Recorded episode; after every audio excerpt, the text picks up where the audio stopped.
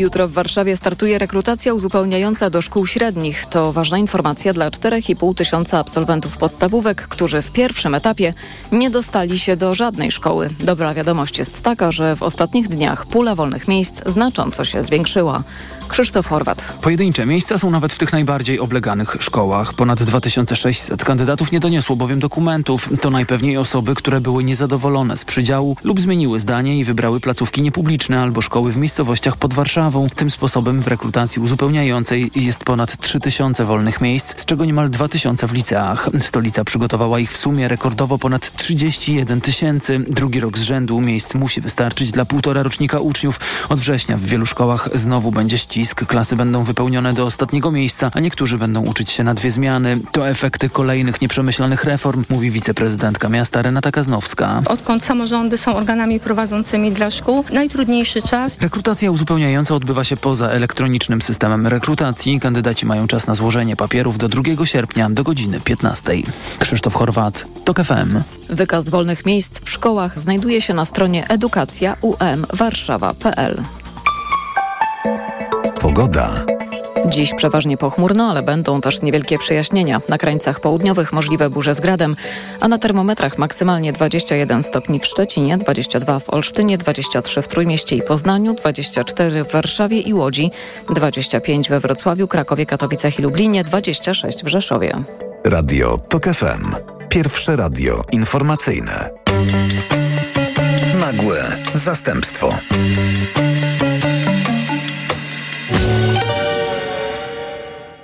Nie śmiej się z cudzego nieszczęścia, pouczała mama. Ale dzisiejsza mema mówi: śmiej się ze wszystkiego, co zobaczysz.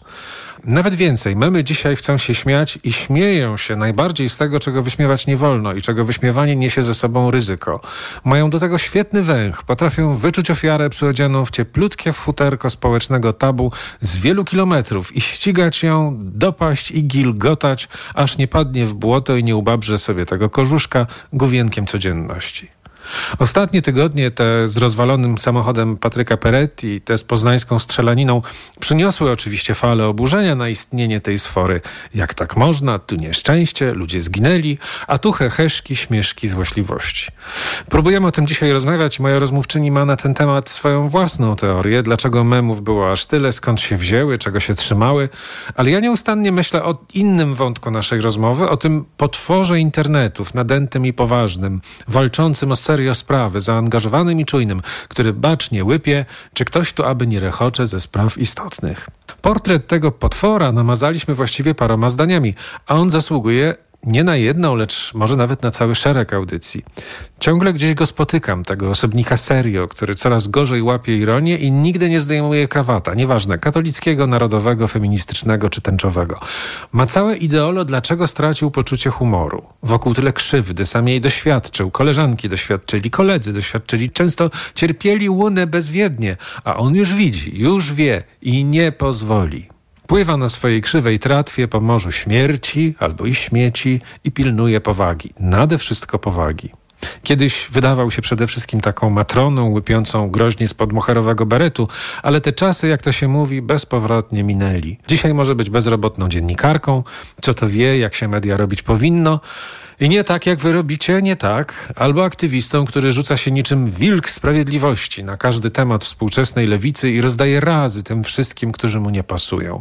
Albo żołnierzem wojen o transprawa. Co prawda nie rozwikłał, jak tu wybrnąć z niezaprzeczalnego w świecie biologii kłopotu w postaci istnienia płci biologicznej, ale już wi, że można rozliczać każdego, kto próbuje się na tenże fakt powoływać.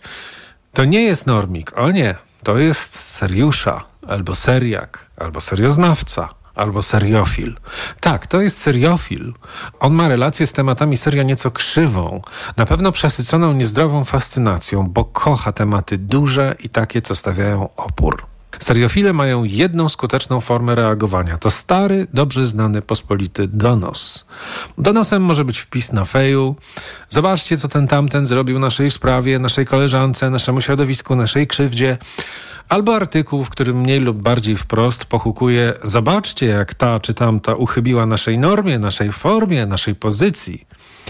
Seriofil będzie mówił, że walczy o sprawę, ale tak naprawdę donosi. Donosi licząc na internetowy hejt albo na całkiem realny, rzeczywisty sąd z możliwie dotkliwymi sankcjami.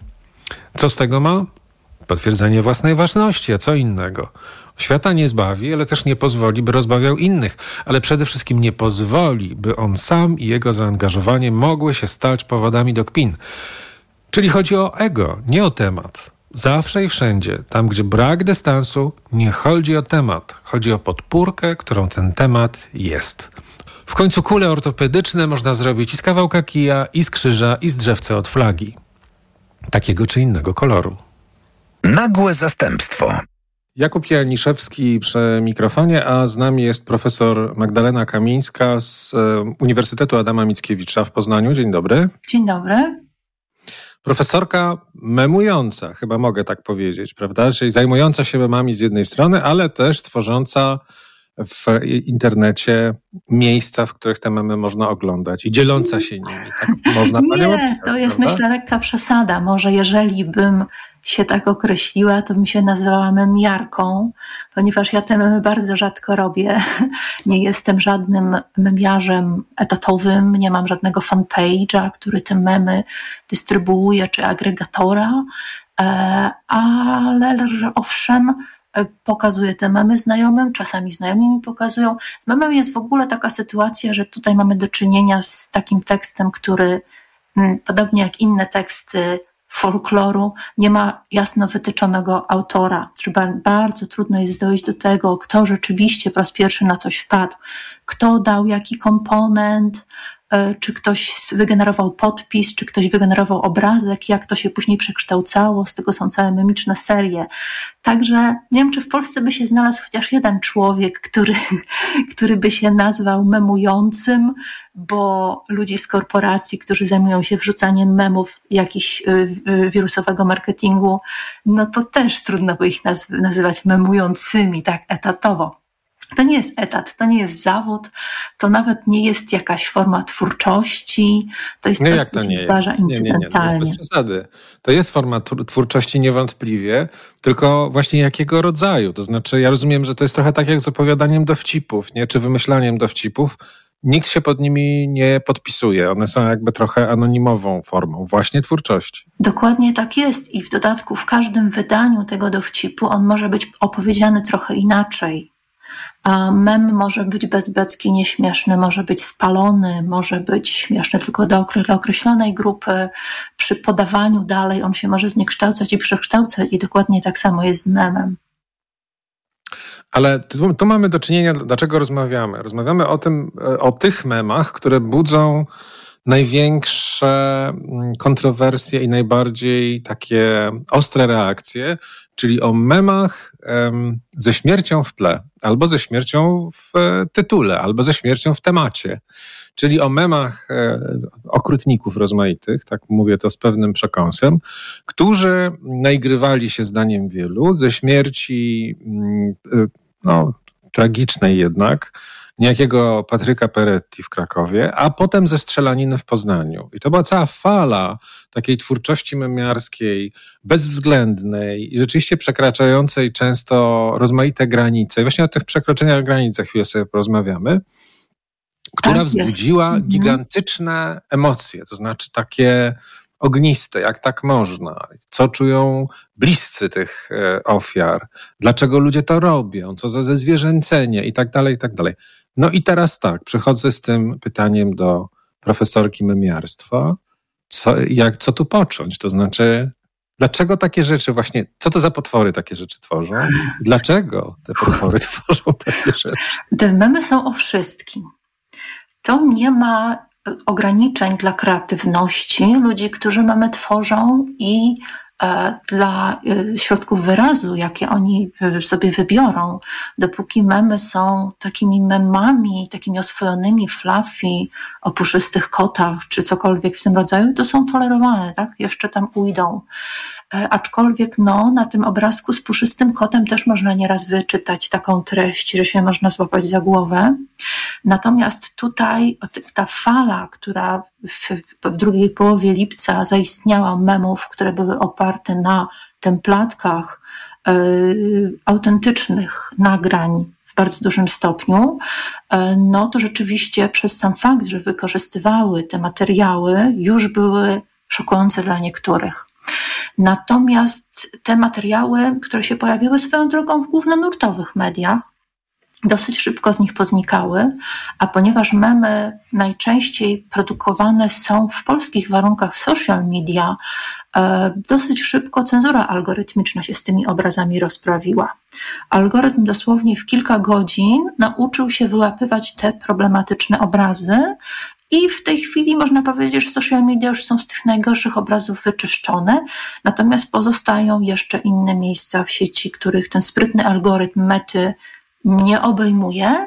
Natomiast memy to był w tym przypadku akurat wierzchołek góry lodowej, bo jeżeli potraktujemy mem jako formę komentarza do tych zdarzeń, które rzeczywiście były bardzo głośne, to znacznie więcej, czy przytłaczająco wręcz więcej, było po prostu komentarzy użytkowników, którzy pisali, co o tym wszystkim myślą, a mem zafunkcjonował trochę jak taka kometa, która przeleciała przez social media i ściągała bardzo dużą uwagę na siebie, właśnie z uwagi na to, że był wykorzystany ten materiał e, i ciągnęła za sobą ogon po prostu komentarzy i wypowiedzi użytkowników na te tematy, e, gdzie te refleksje rzeczywiście miały bardzo różny charakter, bo te sprawy wzbudziły duże oburzenie i poruszenie społeczne.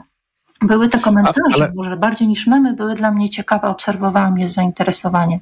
A ja to tak nie, nie, nie odpuszczę, żebyśmy teraz do tych komentarzy szybko przeszli, bo pani mi tak trochę odpowiada, jak, jak, jak meteorolog, który mówi, ja pytam, czemu pada, a on mi na to przecież mamy świetne rynny i doskonałe piorunochrony.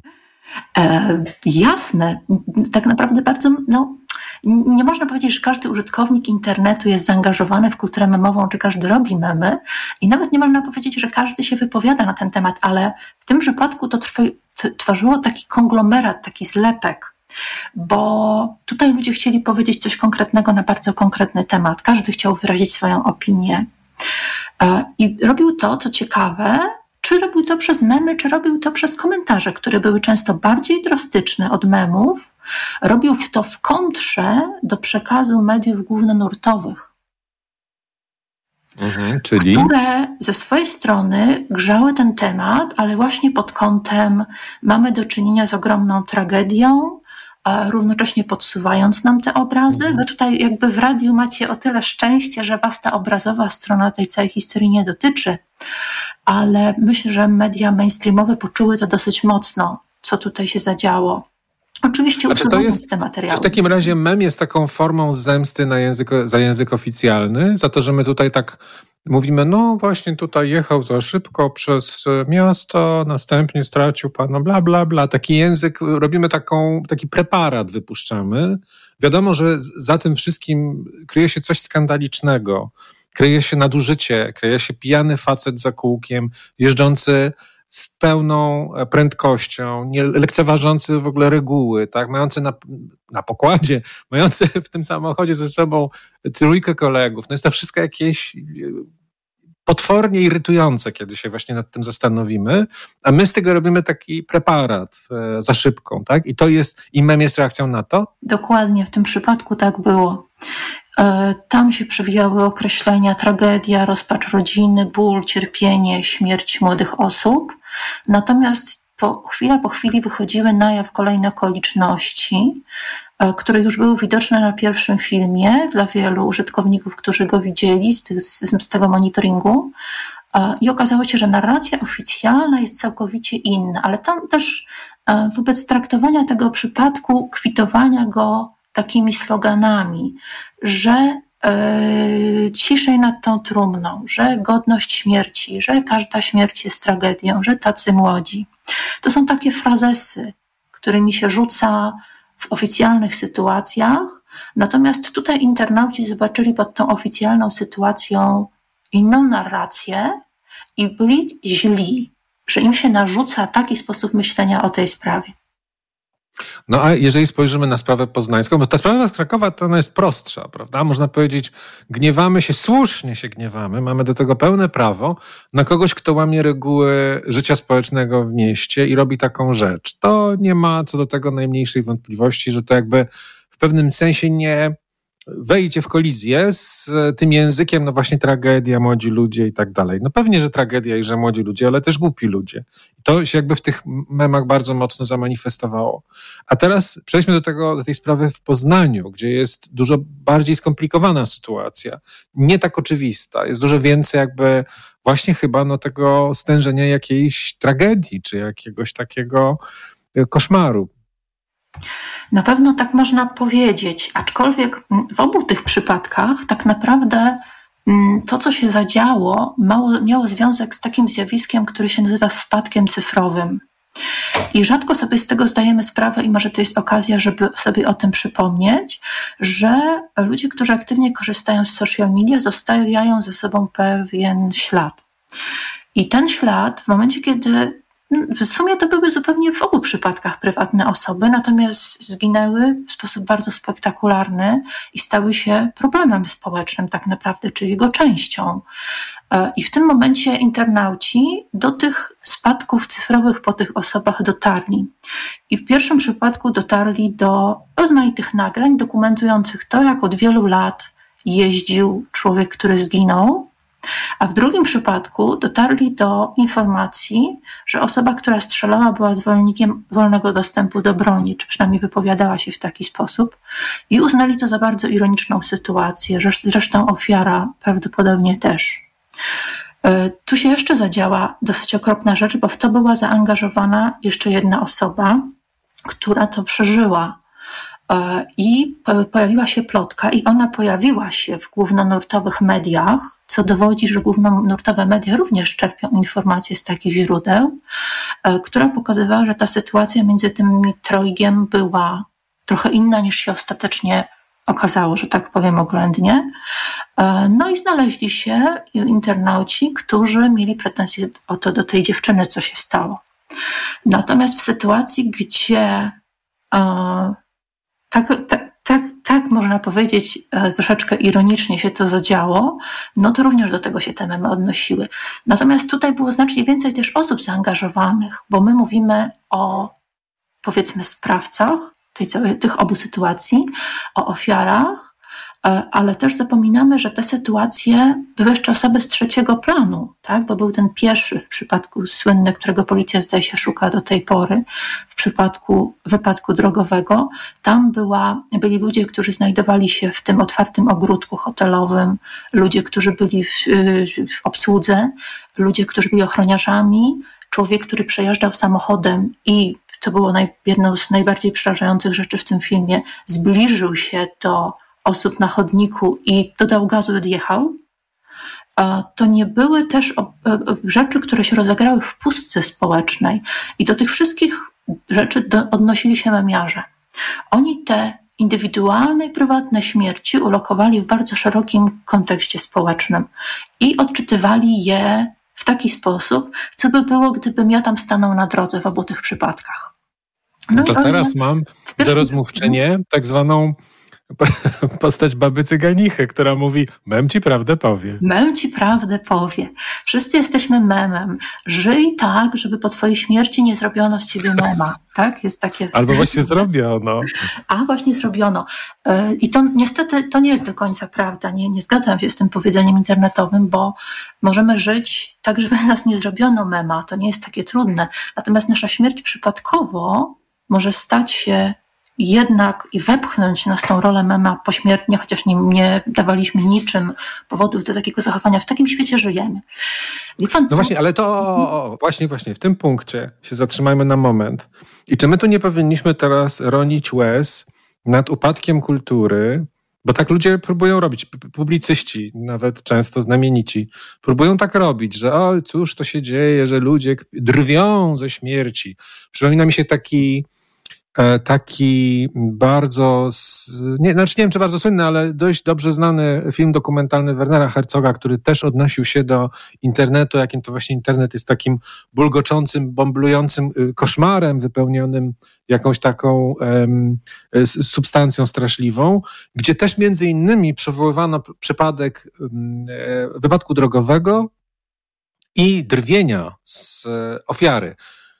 Czy to jest tak, że jednak wypadki też w ludziach budzą potrzebę wyśmiewania faktu, że ktoś po prostu zginął, no źle z nim było, miał zaburzenia psychiczne. Tak było w przypadku tamtej dziewczyny e, i tamtego wypadku i, i tej, tego otwarcia w ogóle filmu Herzoga. Czy też jest tak, że, bo tak trochę pani usprawiedliwia, to znaczy tak mówi pani, nie no, memiarze dotarli w pewnym sensie do sedna sprawy, do kości, zrozumieli tą sytuację szerzej, memy w pewnym sensie pokazują ją w innym świetle, ale to, to światło jest światłem jakby dnia, zimnym światłem dnia, o, tak bym powiedział. Mhm. Jak to jest? Czy może jednak jest czasem zemstą, jakimś takim no, drapieżnym rzuceniem się do ofiar tych tak. ludzi, którzy tam gdzieś w tym, w tym wymierzaniu społecznym sprawiedliwości za pomocą swobodnych komentarzy w internecie, czy przez mem, czy przez słowo, jest e, nutka okrucieństwa. Mhm. ale to, tego nie zrobił w ogóle internet, to zrobiły dopiero media społecznościowe i streamowanie życia minuta po minucie mm, bez przerwy, gdzie mm, stało się coś, o co właściwie intelektualiści właśnie a propos wybitnych publicystów wołali przez dekady. I mówili, że tragedią XX i XXI wieku jest to, że śmierć została wyrugowana ze społeczeństwa, że żyjemy tak, jakby jej nie było, że umierających ruguje się jakieś do jakichś hospicjów, do szpitali, byleby nie umierały na widoku. I media społecznościowe spowodowały coś takiego, że umieramy na widoku znowu, tak jak w średniowieczu, tak, gdzie śmierć była publicznym spektaklem. I to miało nam dać jakieś memento mori, by, by sprawdzić, czy się zastanowimy na przykład nad swoim życiem bardziej. Możemy sobie sami odpowiedzieć na pytanie Herzog, czy tak jest. Herzog odpowiada na nie zdecydowanie negatywnie słuszne jest, to, słuszne jest to odwołanie, ale tak jest. I w sytuacji streamowania życia będziemy streamować też śmierć. Tam, gdzie ludzie żyją, tam ludzie umierają. Dzisiaj ludzie żyją i umierają w internecie. I Ale skąd ten śmiech wokół, nad śmiercią? Skąd śmiech? Skąd ta drwina? Bo to jest zdarzenie codzienne, każde inne. Dzięki okay. temu że streamujemy to na żywo, że zawsze wychyli się ktoś z komórką, tak jak w Poznaniu, że zawsze pokaże się kamera monitoringu, tak jak w Krakowie. I umieramy na widoku publicznym. Coraz częściej. Oczywiście no, są wyjątki. I to jest dla mnie najciekawsze, nie że ludzie biadają nad tym, bo to jest tabu w kulturze y, naszej y, od wielu wieków już właściwie. Natomiast bardziej mnie dziwi, że to ich dziwi, tak? że, mm. że widzą w tym coś, co powinno jednak mimo wszystko zostać za tą zasłonką. Ale przecież w internecie streamujemy na żywo nie takie rzeczy. Mm. Przemoc, przestępstwa, wszystko, y, nic co ludzkie nie jest internetowi obce i śmierć też. No ale równocześnie gdzieś pewnie boimy się, że e, ten właśnie aspekt internetu, znaczy czyli ta władza tych potwornych algorytmów, które podsuwają nam treści najbardziej angażujące emocjonalnie, e, w pewnym sensie uruchamiając w nas takie instynkty mroczne, o których nic nie chcemy pamiętać, o których nie chcemy nic wiedzieć, nie chcemy ich czuć, nie chcemy się do nich przyznać, to chyba nie jest też tak, że możemy sobie powiedzieć, aha, no tacy jesteśmy, to już dajmy spokój. To niech nam w zasadzie dalej podsuwają, nie? Jakby, e, no zrezygnujmy z tej hipokryzji, o której właśnie teraz pani powiedziała, czyli tej hipokryzji e, e, jakby hamowania się przed e, traktowaniem, też takiej trywializacją śmierci i cierpienia, mhm. tylko idźmy w to. Czy, czy, czy to tak ma być? Nie wiem, czy to tak ma być. To tak jest. Mhm. E, nie jesteśmy w stanie tego zatrzymać. Mhm. Hmm. Oczywiście można zawsze wyjść. To jest tak naprawdę ciekawe pytanie, dlaczego nie wychodzimy. W sprawie poznańskiej był jeden wątek, który mnie jako badacza internetu bardzo zafrapował, ale on się w memach nie pojawia. On tam gdzieś się przewinął na marginesie. Mianowicie zabójca dotarł do pary dzięki temu, że ona właśnie streamowała cały swój pobyt w Poznaniu. One, oni się oznaczali w miejscach, w których byli, oni robili relacje z tych miejsc i był w stanie bez problemu do nich dotrzeć. Zastał ich tam w tym ogródku i zrobił to, co zrobił. E, I pojawiło się pytanie, czy to jest rozsądne, tak? I czy to nie jest problemem w dzisiejszym życiu, że zostawiamy za sobą tak wyraźny ślad, bo, bo jak było widać na tym przykładzie, to się tak może na przykład skończyć. I wie pan, jakie były reakcje, które mnie po prostu osłupiły, nie? A ja w internecie siedzę od bardzo dawna. Użyty był argument taki, że jak to, że przez to, że robili relacje, to sprowokowali, to jest takie mówienie, jak krótka spódniczka sprowokowała gwałciciela. Mamy mhm. prawo do tego, żeby streamować swoje życie 24 na 7 na okrągło, jak tylko chcemy, i nie ma prawa się to żadną konsekwencją dla nas skończyć, niczym dla nas skończyć. To I ciekawe. E, streamowanie życia jako prawo człowieka, nawet mimo takich sytuacji, to jest coś, co mi szczęka opadła do podłogi i hercogowi by opadło jeszcze niżej. Aha, czyli w pewnym sensie ta sprawa pokazuje, że jesteśmy już w zupełnie innej rzeczywistości. Zresztą Herzog też zrobił swój dokument parę ładnych lat temu. To, tak, właśnie. To jest ważny ten, y, ta szczelina czasowa jest tutaj bardzo istotna. Nie wiem, czy, no przedział czasowy jest bardzo istotny. Tak. Czy to znaczy, że mm, jakbyśmy spróbowali to sprowadzić do jakiejś konkluzji, to znaczy, że w pewnym sensie będziemy mieli z tym do czynienia coraz częściej i już trzeba odpuścić to biadolenie, że ludzie są bezduszni i że znieczulica? Jak ktoś z tego żyje, że biadoli, no to nie odpuści, ale e, i buduje na tym jakby swoje poczucie wyższości wobec tego motłochu, który żądał linczu, bo tak było w pierwszej sprawie dosłownie tak to wyglądało, no to wysublimowany intelektualista może, mimo na przykład lewicowych poglądów, może się lekko wzdrygnąć, tak? Ale, Ale ten sam intelektualista napisze najpewniej posta w internecie, w którym oznaczy autorów tych. Znaczy kogoś oznaczy niewątpliwie i powie: Zobaczcie, ten tu robi to i tamto. I w gruncie rzeczy w tej chwili, w, w, tym samym momencie nakłania do jakiegoś, jakiejś formy linczu, czy potępienia, czy do tego właśnie uka ukażmy zbiorowo tą czarną owcę. Czyli wchodzi w tą samą logikę. sytuacja, że już nie ma akurat w tych dwóch przypadkach. Pewnie tutaj by należało się zastanowić indywidualnie, no bo wiadomo, jeżeli ktoś kogoś rzeczywiście skłoni do jakiegoś działania w realu, bo mówimy cały czas o, o, o działaniach w przestrzeni zwanej kiedyś wirtualną, i to jest właśnie te, też ciekawe, że to jest absolutnie zrównywane.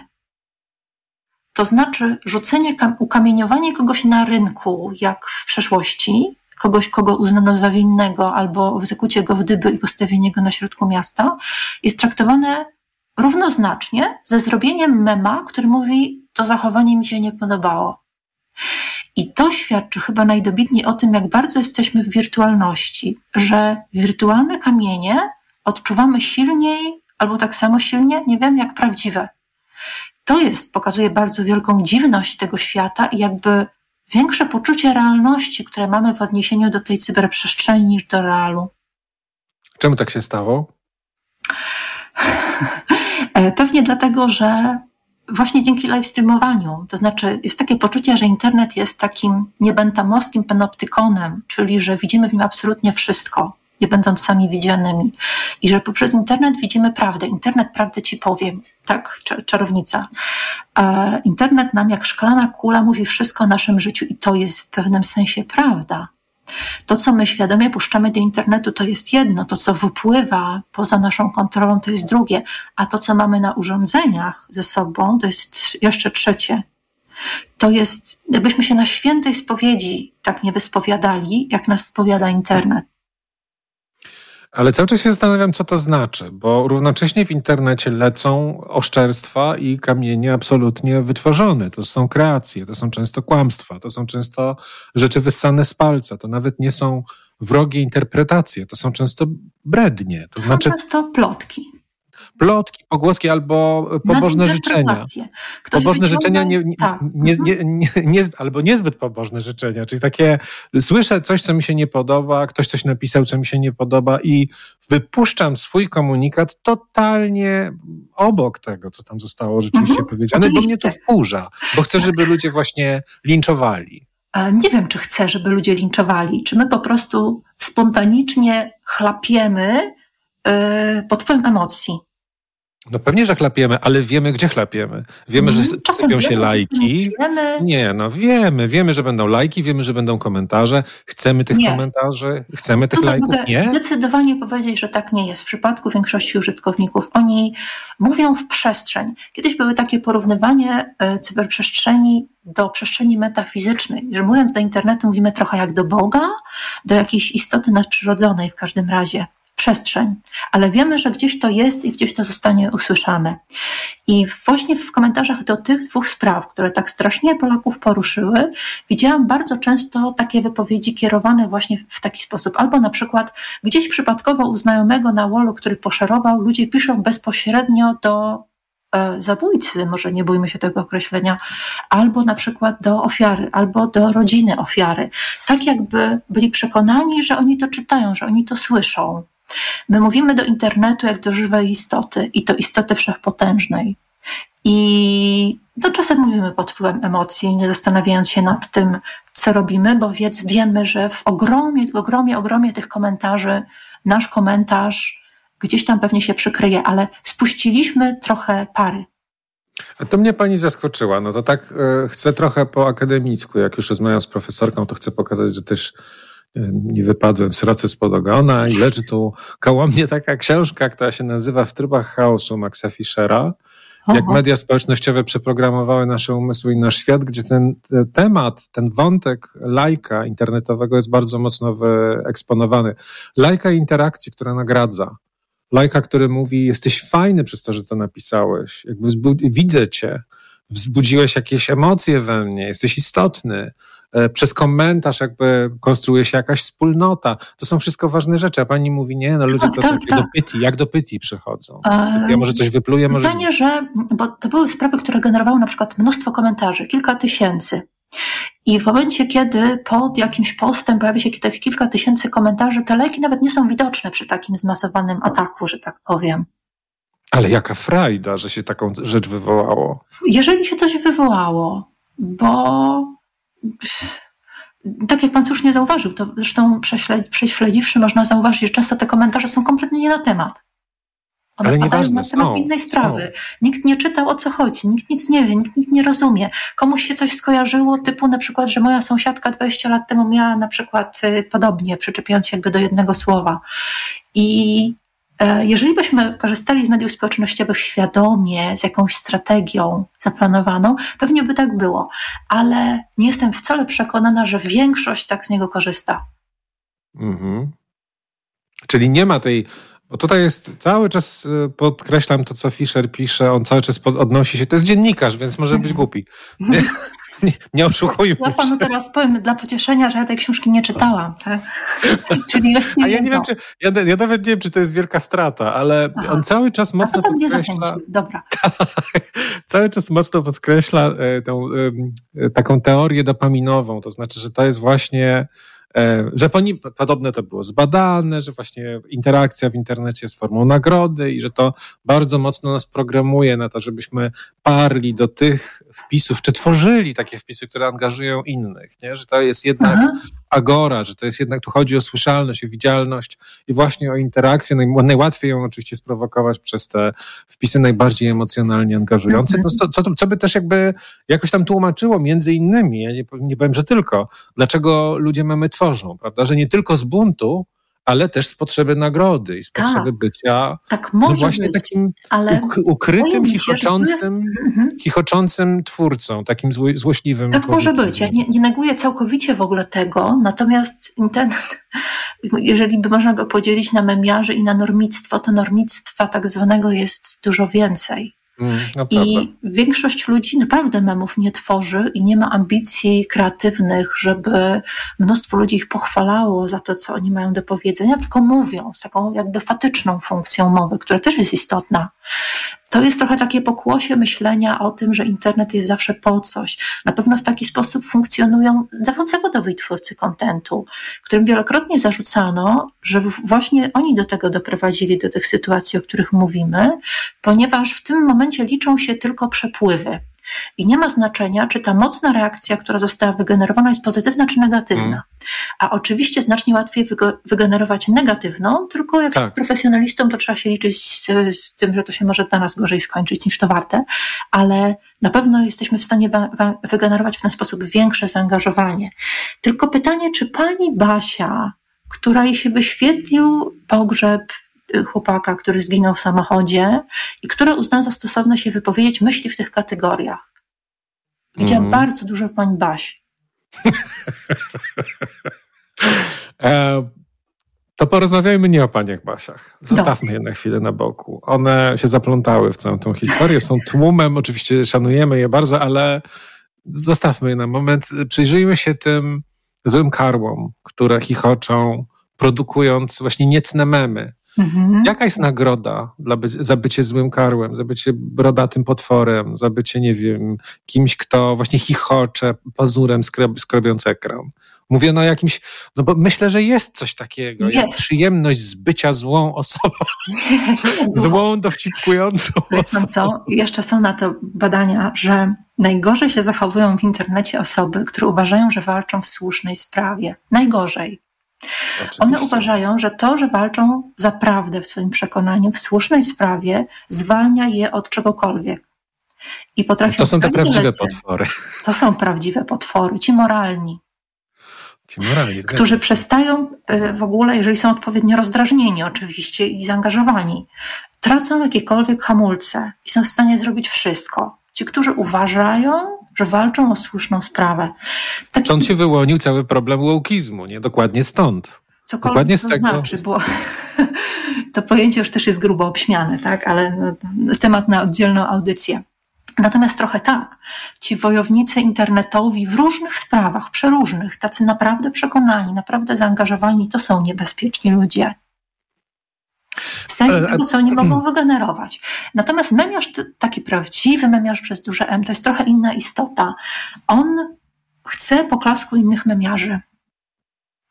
Chcę y, usłyszeć. Jak artysta, jak prawdziwy jak artysta, XVI-wieczny. Właśnie, mamy tutaj powrót, znowu pani powiedziała, że wracamy do średniowiecza, no to trzeba powiedzieć, że być może ale są powrotem do pracowni renesansowych, dokładnie. gdzie bardzo często nie podpisywano swoich dzieł. Trafił pan absolutnie w dziesiątkę i nawet w odniesieniu do memiarzy i do tych środowisk używano określenia wirtu renesansowego, przyrównując wirtu do tego dobrego memiarza, tak zaawansowanego, który jest doceniany przez innych memiarzy jako osoba kreatywna, błyskotliwa, z celną ripostą.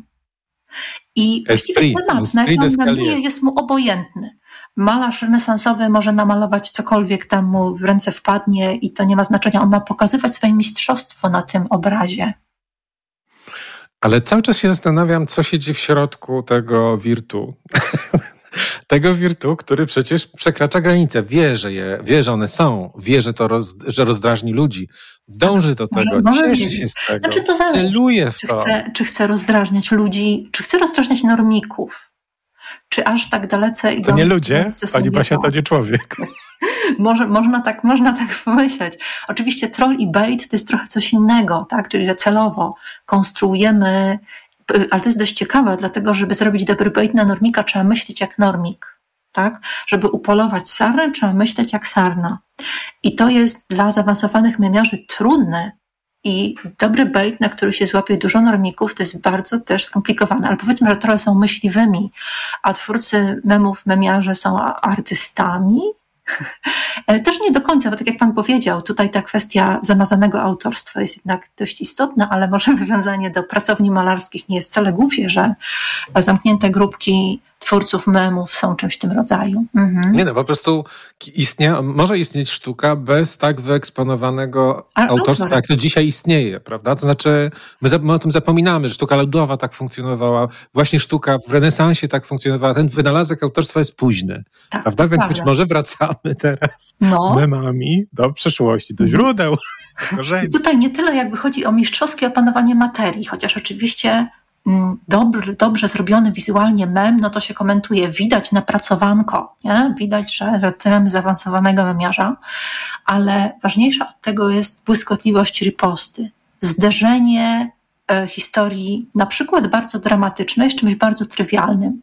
Skojarzenie na przykład historii, która się dzieje na bieżąco i jest we wszystkich newsach, z jakimś tekstem z tradycji internetowej, na przykład z pastą, w sposób bardzo błyskotliwy. Przekształcenie językowe jakieś, które będzie olśniewające, bo nikomu wcześniej do głowy nie, nie wpadło. E, no i taki mem gdzieś może mm, pozostać w tym loże internetowym i potem wchodzi się na jakąś zupełnie inną grupę i e, się postuje mema, a ktoś mówi, to jest mój, to jest mój, zrobiłem go pięć lat temu, ale fajnie, że on jeszcze krąży. Czyli to jest, to byłby dowód na to, że wróciliśmy do takich światów bardzo środowiskowych, czyli do tego, że no mamy salony, na których chichoczemy, no właśnie jak w tym, w tym, e, to jest kolejny film, który mi się teraz nasuwa, Esprit, prawda? Czy jakby e, dążymy do opowiadania sobie dowcipów. Kto, kto nie umie, ten, ten wypada z gry. Trochę tak. E, to, to, było, to było właśnie też wielokrotnie przez samych memiarzy, sami memiarze się nad tym zastanawiali, co to ma wspólnego i, czy to się, i czym to się różni od starej tradycji opowiadania dowcipów. Jest różnica, dlatego że E, do dowcipu trzeba, potrzebny był talent performatywny, trzeba było czuć się pewnie występując w, w, przed publicznością na żywo. A to dla takiego tradycyjnie piwniczaka, tak jakim jest memiarz, może być nie do przekroczenia. Natomiast on spokojnie w swojej piwnicy może mieć znakomity pomysł i może przetworzyć go na mem. Tylko nie zbierze tej śmietanki, o której mówiliśmy, dlatego że jego mem zostanie natychmiast wzięty przez taką na przykład kamińską i na przykład wykorzystany zupełnie inaczej, albo przez kilkaset nawet osób, które go natychmiast poszerują i to już nie będzie jego mem. No dobra, ale po co Kamińska postuje memy? Bo po co je zbiera, to ja wiem. Mogłaby być taką entomolożką, mieć mm. siatkę na I memy po to, żeby i wklejać się do klaseru. No A właśnie, i tylko trzymać dla siebie. No właśnie nie. Nie można tak zrobić. Mem umiera. Mem wyjęty z interakcji, z tego jak powstaje, jak ludzie go komentują, jak go przekształcają dalej, jak go puszczają cały czas w obieg e, i w nowych kontekstach w ogóle go lokują, to jest martwy obrazek. On kompletnie nic nie znaczy, on nie ma sensu. On jest takim paliwem dla interakcji w internecie. I jeżeli ja bym tego nie widziała, jeżeli brałabym sobie obrazki, owszem, mam takie foldery, gdzie mam nazbierane mnóstwo obrazków, po których obiecuję sobie, że zrobię porządek w końcu, ale to mi nic nie daje. Dlatego, że ja nie widzę kontekstów, obiegów, reakcji. To jest dla mnie ważne. Mnie interesują przede wszystkim interakcje, sposób, w jaki to powstaje, w jaki to krąży, jakie to, jakimi to komentarzami obrasta. Na przykład to, że mem może być niezrozumiały, i może przejść mem potworny, który przekracza daleko te memy, o których dzisiaj, nie, y, dzisiaj mówiliśmy, jeżeli nie, on nie będzie bezpośrednio podpadający. Bo większość odbiorców go po prostu nie zrozumie, bo tam jest zawarte nawiązanie na przykład do jakiejś pasty internetowej, natomiast ci wtajemniczeni spadają z krzeseł w tym momencie, a do memu nie może się przyczepić nikt. To jest tak E, intertekstualny, tak piętrowy tekst, że, że nie umywają się po prostu powieści postmodernistyczne. O Boże, to już w ogóle no jakiś straszny, straszny natłok skojarzeń podczas tej rozmowy, bo teraz mi się z kolei nasuwają anamorfozy barokowe, nie? czyli obrazy, które można było czytać tylko przyłożywszy zakrzywione lustro, to znaczy wtedy Aha. one nabierały sensu, o, a tak były Mhm. A tak były po prostu niczym, były no, plamą barwną. Tak to jest wspaniałe nawiązanie. No i to jest niestety tragedia humanistów, że im to wszystko kojarzy. Mhm. Że nawiąza... przejechaliśmy przez nawiązania do historii sztuki, przez filmy tak. i ciekawe, gdzie jeszcze skończymy. No to jest na... gdzieś w którymś momencie trzeba powiedzieć ciach Bajera, tak? Żeby się zapętlić bo no, mamy tendencję do nadinterpretacji, ale to tak jakby się pytać, czym jest internet i do czego on właściwie służy. Może służyć do wszystkiego, mem też może służyć do wszystkiego. Ale ja rozumiem, że w pewnym sensie, dobrze, to wracamy do tego, do tych dylematów badaczki, czyli badaczka, e, co chce uzyskać, oglądając memy z innymi, prowokując, żeby inni je widzieli komenta mhm. i komentowali. Co, co się wtedy, jak się to wtedy analizuje? Co się wtedy z tym robi? To znaczy tak, problem i mój tragedia polega na tym, że chcąc cały czas być w środku tej memosfery, ja nie mam pięciu minut oddechu i spokoju, bo przestanę rozumieć cokolwiek. I nie jest tak, że absolutnie każdy mem, który ja gdzieś tam wyciągnęłam z internetu, czy pokazałam komukolwiek, jest od razu dla mnie przedmiotem badań. bo ja po prostu nie mam, nie, nie, nie wiem, co mam ręce włożyć i tak, nie? Gdybym sobie nie selekcjonowała tego, to już całkowicie. Natomiast cały czas patrzę, jakby zyskuję taką wiedzę insiderską. Wiem, co skąd się wzięło, co skąd przyszło mniej więcej, co z czym idzie razem, co nie jest łączone, gdzie się pojawiają bańki, że to w jakiejś bańce zażarło, w drugiej nie zażarło, w tej się w ogóle nie pojawiło. I bez takiego bieżącego, codziennego rozeznania, tak jak, nie wiem, kiedyś ludzie czytali codziennie gazety, żeby się dowiedzieć, co się ogólnie dzieje. E, akademicy czytają nowości, tak, jeśli chodzi o swoją dziedzinę. Też nie wszystko użyją do czegokolwiek, ale muszą mieć rękę na pulsie. I mój, moja tragedia niestety polega na tym, że ja ciągle muszę mieć rękę na pulsie memów.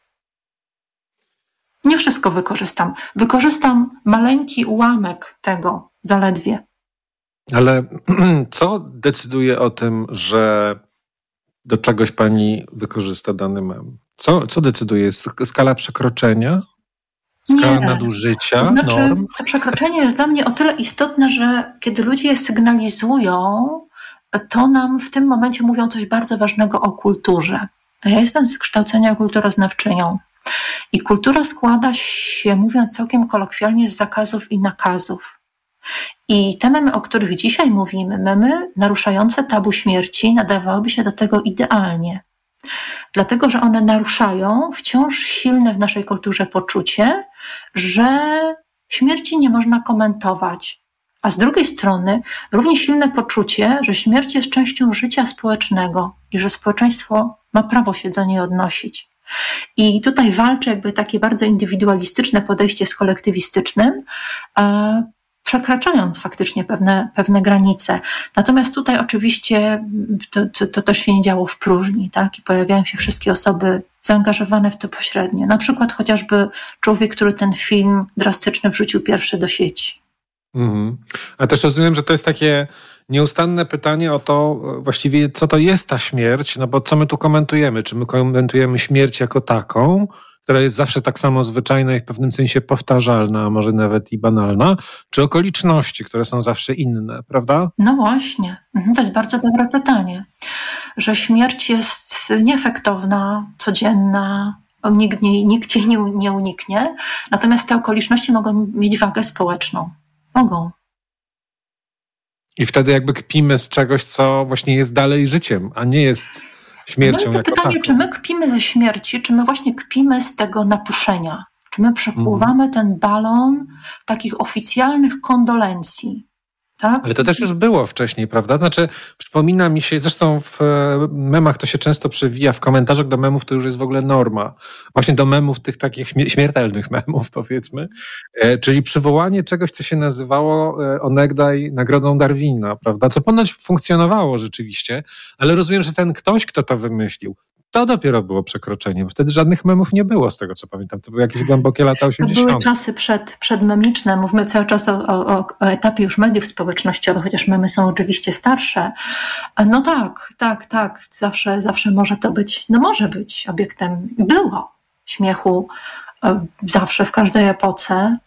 E, śmier sama śmierć jest na tyle jakby nagim biologicznym faktem, że trudno się z niej śmiać czy nie śmiać. Nie, to jest po prostu fakt, który nazwali między oczy.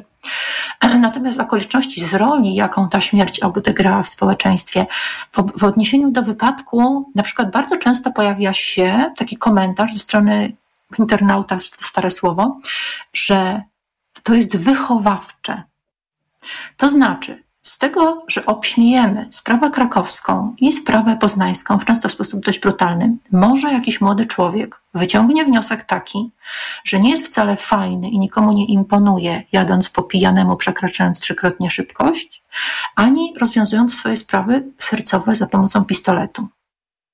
A nie wiem, czy mamy tak ciekawy, Mamy ciekawy wątek, ponieważ no nie wiem właśnie, czy to już jakoś przez naukowców zostało dostrzeżone i opisane, ale na pewno dziennikarze już e, z tego próbują robić jakiegoś rodzaju temat, mianowicie e, lęk przed staniem się memem, który u młodzieży jest ponoć silniejszy niż w naszym pokoleniu przyczyn tak. oczywistych, ale że to już jest jakiegoś rodzaju taka, no taki, taki jesteśmy w, w, w obszarze normatywnej moralności. Czyli Żeby pan wiedział. Dokładnie tak. I tutaj mogę w pełni potwierdzić, że tak jest, że nasze pokolenie, jak sobie przypomni, co robiło w młodości, to dziękuję Bogu, że nie było wtedy internetu. To obecne młode pokolenie nie ma tego szczęścia. I rzeczywiście ta obawa jest przed nich ogromna. Tak. No nie wiem, czy to aż tak, no ale to jest ewidentnie funkcja pedagogiczna. Społeczeństwo próbuje wychowywać członków społeczeństwa, czego się nie robi. Nie załatwiamy problemów sercowych, zabijając. Nie pędzimy po pijanemu, szydząc z policji innych uczestników ruchu drogowego, bo to nie jest fajne. Jeżeli się nam noga powinie, a prawie na pewno się powinie, to będziemy obiektem śmiechu dla całej Polski. I czy chcielibyśmy mieć coś takiego na grobie? Taka jest wyartykułowana wprost intencja. Nie wiem, czy memiarzy, czy ludzi, którzy na przykład popierali tego rodzaju zachowania. Ich jest znacznie więcej niż memiarzy. I widziałam bardzo wiele takich komentarzy. Może tak, skoro mandaty nie działają, Straż miejska nie widzi, bo za szybko, tak? Policja też nie dogoni, bo ma za słabe samochody. No to ludzie się ostrzegali od trzech lat w internecie przed człowiekiem, który jeździ w taki sposób. To może zadziała śmiech. Zawsze jest gdzieś jakaś kamera, która patrzy i nigdy nie wiemy, kto się dostanie do zapisów tejże kamery. A potem się okazuje, że kluczowego momentu nie ma, bo kamera była akurat zepsuta, nie? Więc ten panoptykon nie działa jeszcze na 100%, ale nigdy nie wiadomo, na kogo wypadnie. Nie, ja myślę właśnie, że działa, dlatego że nie wiemy, że, dlatego że jest randomowy, dlatego że już przeczuwamy, że może tak być. Jeszcze nie wiemy, czy tak się stanie. Kamera może działać albo być atrapą, może być podłączona albo nie, zepsuta albo właśnie nie, ale my przypuszczamy, że ona gdzieś może być. Zaczyna to nas hamować, tak, że gdzieś jest tak. jakiś memiarz, który do tego Czyli dopadnie. Czyli kontrola społeczna. Memiarz jako, już nie jako stańczyk na tylko jako policjant. Szeryf. prawdziwy szeryf, ten, który naprawdę... Ten, który ma prawdziwą władzę w odróżnieniu od różnych felietonistów na przykład, którym się wydaje, że mają rząd dusz. Profesor Magdalena Kamińska z Uniwersytetu Adama Mickiewicza w Poznaniu była z nami. Dziękuję bardzo. Dziękuję. Nagłe zastępstwo.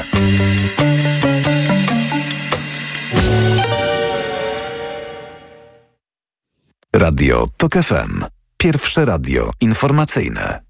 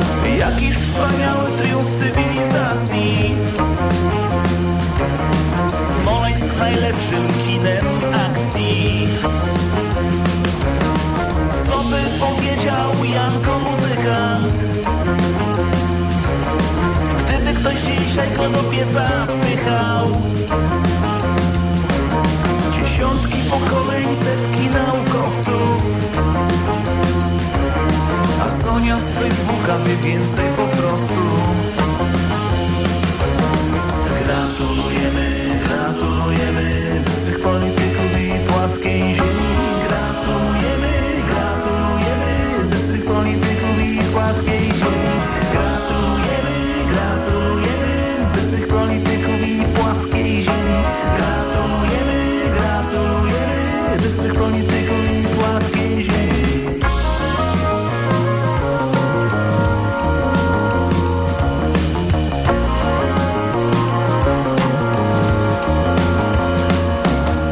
Dzisiaj sianko jest, jutro sianka nie ma.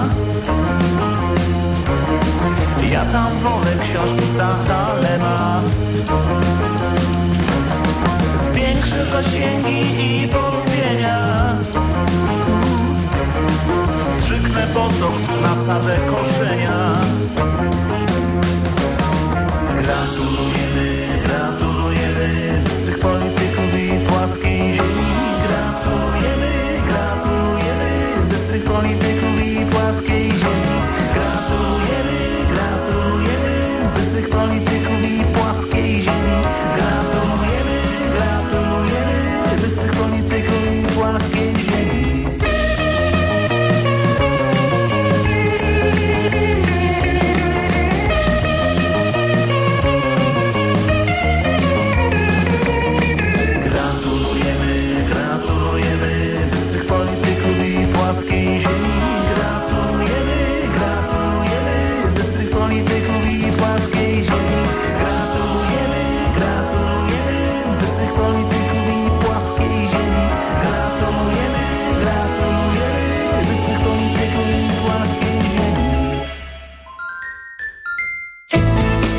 ist der Europäische Gerichtshof. Gospodarski rast w euro. Az Európai Uniós támogatásoknak a kifizetését. Tłumaczymy Europę.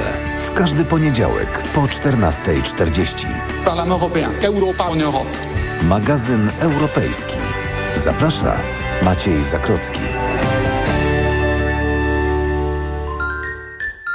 Reklama. RTV Euro AGD. Tylko do środy w euro. Święto smartfonów. Nie przegap naszych limitowanych okazji. Sprawdzaj codziennie wybrany hit cenowy. Na przykład tylko dzisiaj smartfon Samsung Galaxy S23. Ekran AMOLED. Najniższa cena z ostatnich 30 dni przed obniżką to 5499. Teraz za 5399 zł. Święto smartfonów tylko do środy. Szczegóły w sklepach euro i na euro.com.pl. Disney Plus. W wakacje zanurz się w świecie filmu Awatar Istota Wody. Mamy siebie i to nas uratuje. Poznaj od kuchni atmosferę knajpy z DBR. I zaszalej jak Strażnicy Galaktyki Volume 3 od Marvel Studios. To co, gotowi? Disney Plus to więcej niż możesz sobie wymarzyć. Tak to w skrócie wygląda. Wymagana subskrypcja. Szczegółowe warunki na disneyplus.com. Coraz taniej w delikatesach centrum.